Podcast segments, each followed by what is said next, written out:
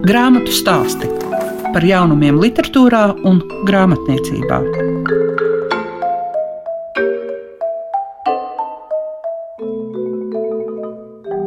Šīs dienas grāmatu stāstos varēsiet dzirdēt Laimu Kotu. Cilvēks ar zilo putnu ir viņas vēstījums par Anšlavu Eglīti.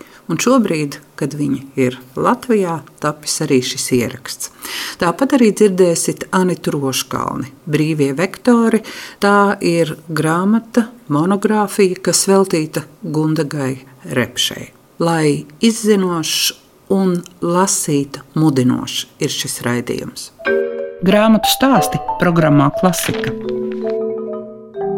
Sērijā es esmu 1.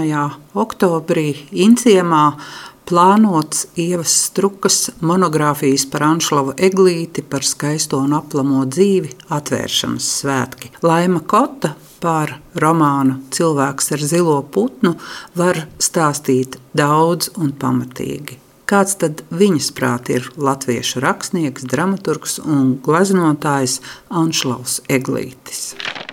Nu jau pirms kāda laba laika sprīža, man liekas, ka gada iznāca Laimas Kotas sērijā Es esmu romāns, kas veltīts Anšlavam Eglītim. Ar ko tev sākās pasūtījuma darbs? Tā jau saka, ka pasūtījuma darbi ir tādi aiz ausīm pievilkti, bet man šķita, ka es esmu īstajās kurpēs ielēkusi. Es tik ļoti biju izlasījusi visu, ko Anšlaus rakstīja, ka es biju pārsteigta, ka citi arī to nezina. Un brīdī, kad bija jāraksta romāns, ka es uh, zināju, jā, man būs Anšlaus Eglītis.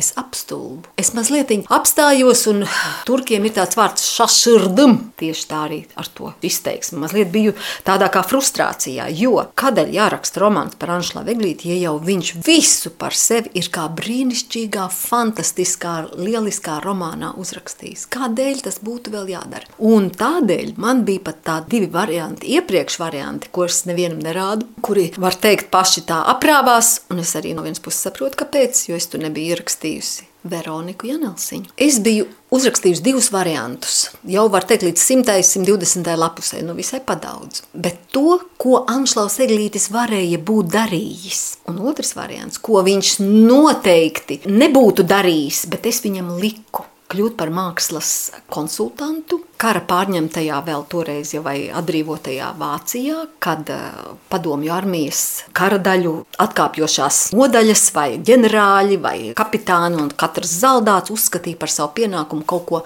aizvest kā trofeju. Un ir zināmi dokumenti, un ir zināms, ka šie ģenerāļi vai maršals Žukovs bija viens no tiem, kas sazagās visvairāk, vislielākās vērtības, bet Viņš nezināja, vai tam ir vērtība vai nav. Un tādēļ no Maskavas tika atvesti mākslas zinātnieki, eksperti, kas varēja pateikt, tas ir Rembrandts, vai tas ir Rafaels, vai tas ir ciema puisis, kas ir uzzīmējis kaut ko ļoti līdzīgu. Lūk, un Anšlava Eglītes tā bija iedomājusies, ka viņš varētu būt piespiests, lai viņa tēvu izglābtu, viņš varētu būt šis konsultants. Pilnīgi traka ideja. Nu, vajadzēja man tur īstenībā Veroniku Janelsiņu, kas arī bija mākslas eksperte, man vajadzēja arī viņu tad ielikt. Bet vai tas romāns par Anšlavu Eglīti būtu par Anšlavu Eglīti, vai tas būtu mans redzējums? Tur ir šī dilemma, kuras priekšā es nonācu. Pats pirmais variants bija tāds, kur viņš devās rakt šīs senās Sīrijas pilsētas, senās apraktās zemes apraktās pilsētas un celtu no jauna. Drīzāk tā būtu. Beigās sapratu, viņš tomēr dodas uz Ameriku. Tad vienīgā izēja man bija aprakstīt to, ko viņš vismazāk ir aprakstījis, bet tikai kā stāstus, kas apkopot vienā grāmatā. Tādēļ es sapratu, ka es aprakstīšu tikai vienu periodu, ko viņš pats nav aprakstījis par Vācija. savu dzīvi. Šo Vācijas periodu Talfingenā kas bija tuvu Šveicei, kas bija Franču zona, kur Anšlaus Eglīts ar savu kundzi Veroniku Janelsiņu mākslinieci dzīvoja visai nošķirti no latviešu publikas. Tad es izdomāju, kā atsaucoties uz avotiem, es sapratu, kā viņš to varētu būt darījis ļoti daudzās lietās. Man iedvesmoja akadēmiķa Viktora Hausmaņa grāmata par Anšlavu Eglīti, ka šis Vācijas periods bija aprakstīts tikai dramaturgiskie darbi. Tātad Anšlavs Eglīts sēž un raksta lūgas. Bet ko viņš tur darīs, arī pat Hausmaņa kungs nezināja. Bet tagad Jā, tā varēja būt. Ka viņš paskatījās pa datumiem, kur viņš ir ceļojis, kur viņš ir devies, kādos uh, latviešu svētkos ticies. Man bija ļoti svarīgi saprast, kādēļ Anšlavs Eglītis bija starp tiem latviešu trimdas rakstniekiem, kuri bija slēgtajos fondos. Un tad Andreja Upīša vēstule bija pilnīgi nepieciešama. Kā romāniste es to varēju ielikt. Zināmā mērā jūtos ļoti gandarīta, ka pat profesionāļi noticēja. Vai tiešām uzrakstīja vēstuli? Un es beigās pateicu, nē, Tomēr nē, viņš jau neies nolaisties tur kaut kur rakstīt. Trimdas vēstules. Romāna forma atbrīvoja man rokas, un tādēļ es varēju atļauties brīvā formā rakstīt, ko es gribēju. Izlasot tagad, kā kolēģi raksta, varbūt es būtu nobijusies, bet toreiz es to nezināju. Un mēs savā starpā, es nezinu kā citi, bet es tā pat baidījos prasīt. Ne jau tas, lai noiet no ceļa, bet lai uzturētu sevī šo eh, sajūtu, sajūtu intrigu, turētos uz virves, un man bija pašai jātur šis balasts, lai es pārietu pāri šai skilai un haribdai pāri kā pa virvišķi. Spēles noteikumi šajā sērijā ir tādi, ka jārunā pirmajā personā. Vai viegli bija iejusties Anšla vārdā? Kā Anšlaus Eglītis noteikti nē. Es tikai varēju apzināti vairākas reizes, pat tekstā ierakstīju. Es esmu Anšlavs Eglītis, un to saka pats Anšlavs Eglītis manā grāmatā. Es pati, es esmu Anšlavs Eglītis, būtu daudz jāaug, lai es varētu tik brīvi, tik skaisti pateikt, kā viņš to izdara. Man vieglāk bija no Veronikas viedokļa, bet tā es apzināti, Veronika vienā brīdī pēkšņi ienāca prātā, nu Anšlav, nu Anšlav saki, kas tu esi? Un viņš saka, es esmu Anšlavs Eglītis. Tad es teicu, jā, redziet, ir atsauce, es esmu Anšlavs Eglītis. Bet tā es varēju, tāda sajūta bija, ka es varēju, kā noredzot, redzēju, ko viņi darīja, kā viņi uzvedās, atsaucoties uz ļoti daudziem avotiem, ko es labi zināju, ka viņš ir kāps kalnos, ka viņš ir gleznojis, kā viņam tur sanāca visādi avoti. Es saņēmu Ievas Strukas mīļi rakstītu vēstuli, e-pastā, kur zināmā mērā viņa tā saka, jā, es lasu un caur rindām redzu un zinu, ko tu esi lasījusi un atsaukusies. Varbūt tās vienā teikumā tu to esi pateikusi. Šāda atsauksme mani gandarīja, un es jūtos padarījusi labi savu darbu par es esmu Anšlavs Eglītis. Tu teici, ka Veronika nepieļāva šo otro variantu, kur viņa nebija, bet vai Anšlaus Eglītis tev pateica vai jā, paldies, kur tu saprati, ka viņš pieņēma šo tavu darbu. O, vai tā vajadzēja? Kad es sapratu lielo Veronikas nozīmi, tad jau viss aizgāja kā pa sviestu. Tur jau man nebija grūtības, un tad sapratu uzreiz jau, ka es labprāt arī zīmētu. Un, godīgi sakot, pēdējās ilustrācijas, kur jau es zīmēju Anšla Veglīša portreju, kur viņš visu laiku uzsver savu lielo degunu, kas nemaz nebija tik liels, stolbavu deguns, tad es sapratu, jā, viņš ļauj zīmēt savu portretu. Nu, tas vispār bija tāds ekskluzīvs notikums man pašai. Un pēkšņi redzi, ka roka čik, čik, čiks un uzzīmē. Lai gan redz, man ir jāatcerās viena lieta par to periodu, ko es aprakstu. Eglītim ir 40 gadu. Kas tas vispār ir priekš jauna vīrieša? Nekas, viņam tikai dzīve sākās. Tagad man ir pa 20 vairāk, un es jau pavisam citādāk uz to skatos. Un arī ļoti daudzām lietām es saprotu, viņš bieži vien tāds azartisks, kā viņš pats ir rakstīts, hazards. To viņš mācījis vai pieslēpt, vai arī nav izrādījis, tādēļ, ka varbūt viņš stostījies, varbūt nav bijis. Un tad viņam bija līdzsvars Veronika, kas bieži vien pateica tiešu vārdu, skarbāk. Man no tās grāmatas palika arī tas, ka tad, kad viņš aizbrauca uz Ameriku, viņš aizbrauca uz vietu, kur apkārt latviešu nav, ka viņam vajag šo sajūtu, ka nav. Par Ameriku es neņemos spriest un aprakstīt, bet tieši Vācijā viņi apzināti negribēja būt eslingenā pie visiem. Es nedomāju, ka tas ir varbūt tās darba dēļ, bet varbūt tādēļ, ka Anšaus Eglīts gribēja doties uz Šveici. Tā bija slēgta. Viņi dzīvoja netālu no Šveices robežas. Tas paliek nezināms. Viņš ir pat aprakstījis, ka tikko Latvijam ir brīvs laiks, ko viņš dara. Viņš rīko dziesmu svētkus. Pa kuru laiku tu rakstīsi, pa kuru laiku tu strādāsi. Un es tā arī no vienas puses arī saprotu. Latvieši pie viņa arī, kas atbrauca, tie bija daži cilvēki. Viņš varēja pats izvēlēties, ar ko viņam tikties. Varbūt tā ir tāda vēlme, ka tu jebkurā situācijā vari strādāt. Rakstniekam es apbrīnoju, kā Avotos uzsverts, ka tikai Jānim Krēsliņam bija līdzi rakstām mašīna latviešu burtiem. Pārējiem nebija. Tādēļ, ka visi domāja, nu, tūlītās jau viss būs beidzies. Kā rakstniekam sadabūt 46. gads karš tikko beidzies papīru. Izdošanas iespējas, kādas publicēšanās iespējas, apbrīnojami. Tas, ka viņš gribēja atsevišķi dzīvot, To es varētu izskaidrot no nevis kaut kāda tāda vēlme norobežoties no latviešiem, bet strādāšanas dēļ. Tieši tā viņš būs uzrakstījis, kā tik nedēļas nogalē, tā tik kāda svētki. Viss ir, kur jāpaspēj, un tu nevari tad pastrādāt. Grāmatu stāsti tiem, kam grāmatu lasīšana ir vērtība. Par Kārli Zāriņu, Astrīdi, Īvasku, Veltu, Sniķeri. Tie ir pētījumi, kas Anitai Roškalnei tapuši par šīm personībām. Tagad pēc ilga un pamatīga darba mums tiek piedāvāti brīvie vektori. Vēstījums par Gundegu repši. Kāpēc ir tāda sajūta, ka viss ir pateikts un vairāk neko negribas teikt? Grāmata ir ļoti ilgus gadus tapusi. Pirmā saruna ar Gundagu man bija 1989. gadā. Līdz ar to tas laiks jau ir diezgan ilgs, cik ar to ir ik pa brīdim strādāts, un rakstīts, un vākti materiāli. Jo es diezgan ātri sapratu, ka es gribēšu kaut kad rakstīt grāmatu par Gundagu.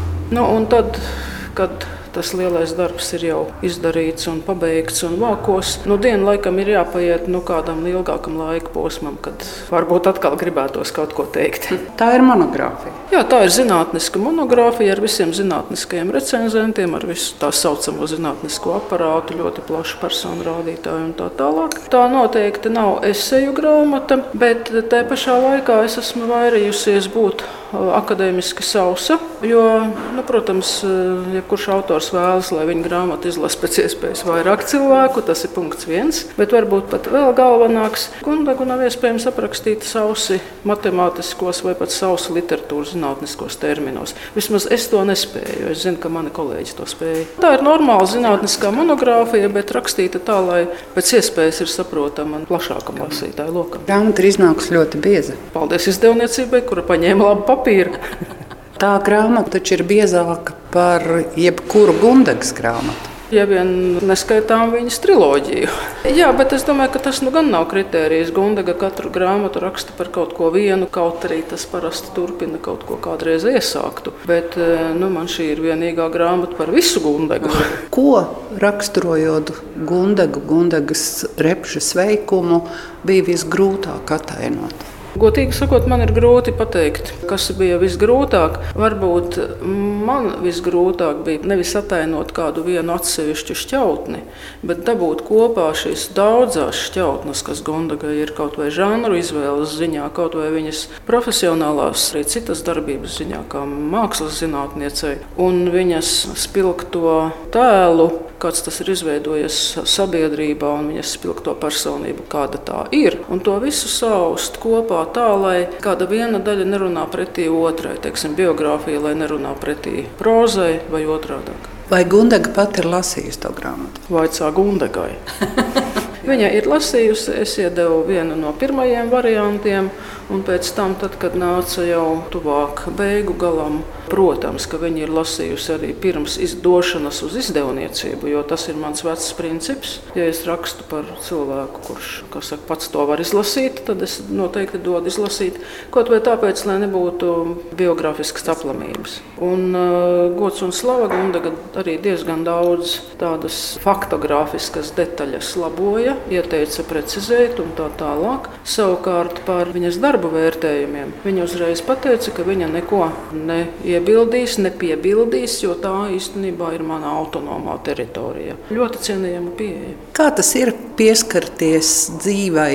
Leģendai, nu tā es gribētu tomēr par Gundagu Repšu teikt. Kāda ir tā atšķirība rakstīt par klātesošu un par personību, kuras vairs nav starp mums. Nu, īstenībā atšķirība ir vienīgi tā, ka ar šo cilvēku aprakstāmo personību, kā mēs varētu teikt, vispārinoši, ja mums ir iespējams to sarunāties klātienē, tagad un šeit. Un tas palīdz tiešām neielaist kaut kādas pilnīgas izdomātas faktus vai interpretācijas vai kaut ko. Tas ir ļoti liels pluss. Tā būtu tā atšķirības uzskatu. Un savukārt rakstot par rakstniekiem, kuriem vai vispār par personībām, kuras vairs nav mūsu vidū, protams, man vai jebkuram rakstītājam ir šī vēlme un būtībā arī nepieciešamība, neizbēgamība. To, ko nezinu, kaut cik ticami iedomāties un uzrakstīt. Cik ļoti Gundaga repša savā rakstības stilā ir mainījusies?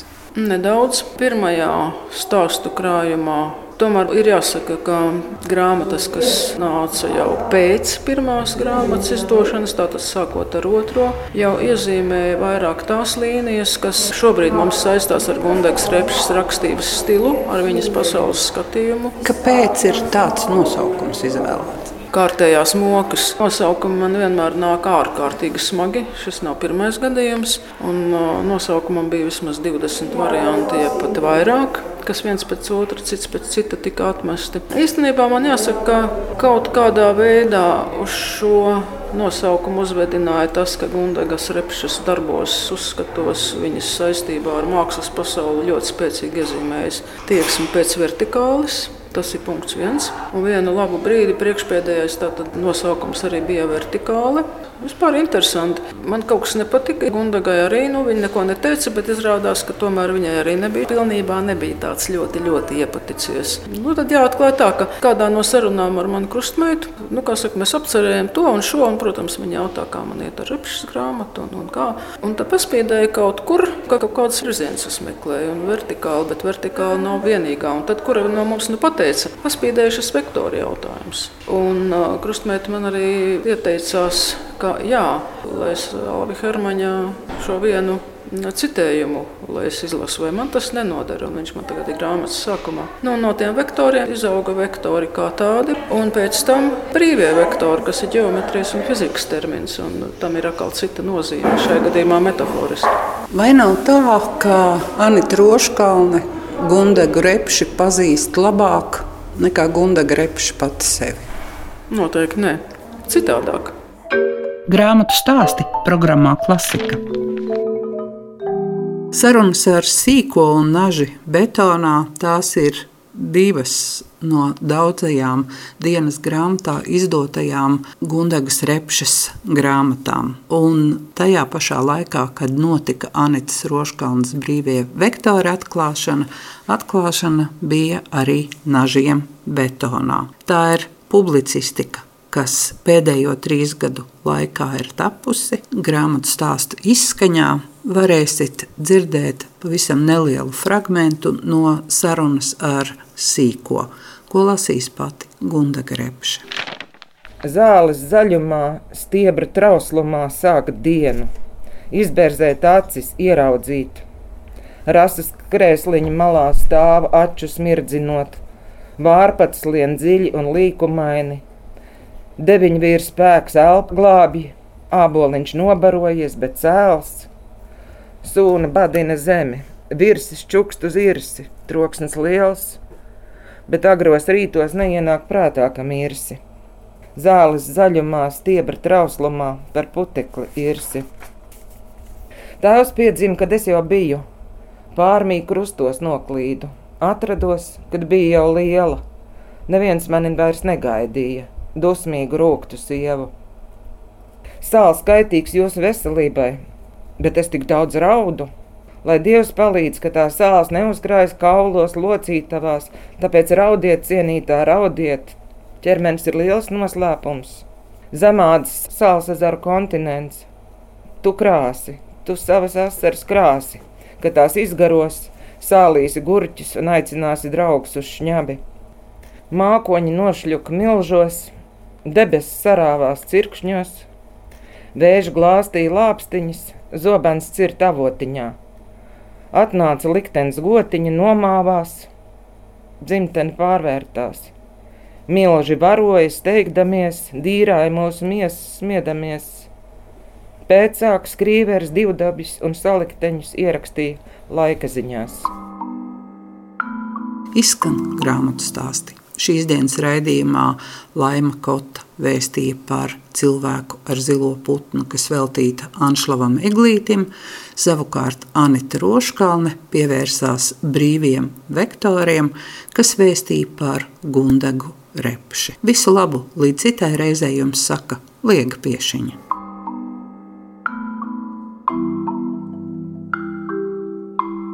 Grāmatu stāsti par jaunumiem literatūrā un grāmatniecībā ik trešdienu, 9.5. ar atkārtojumu Svētdien, 18.15.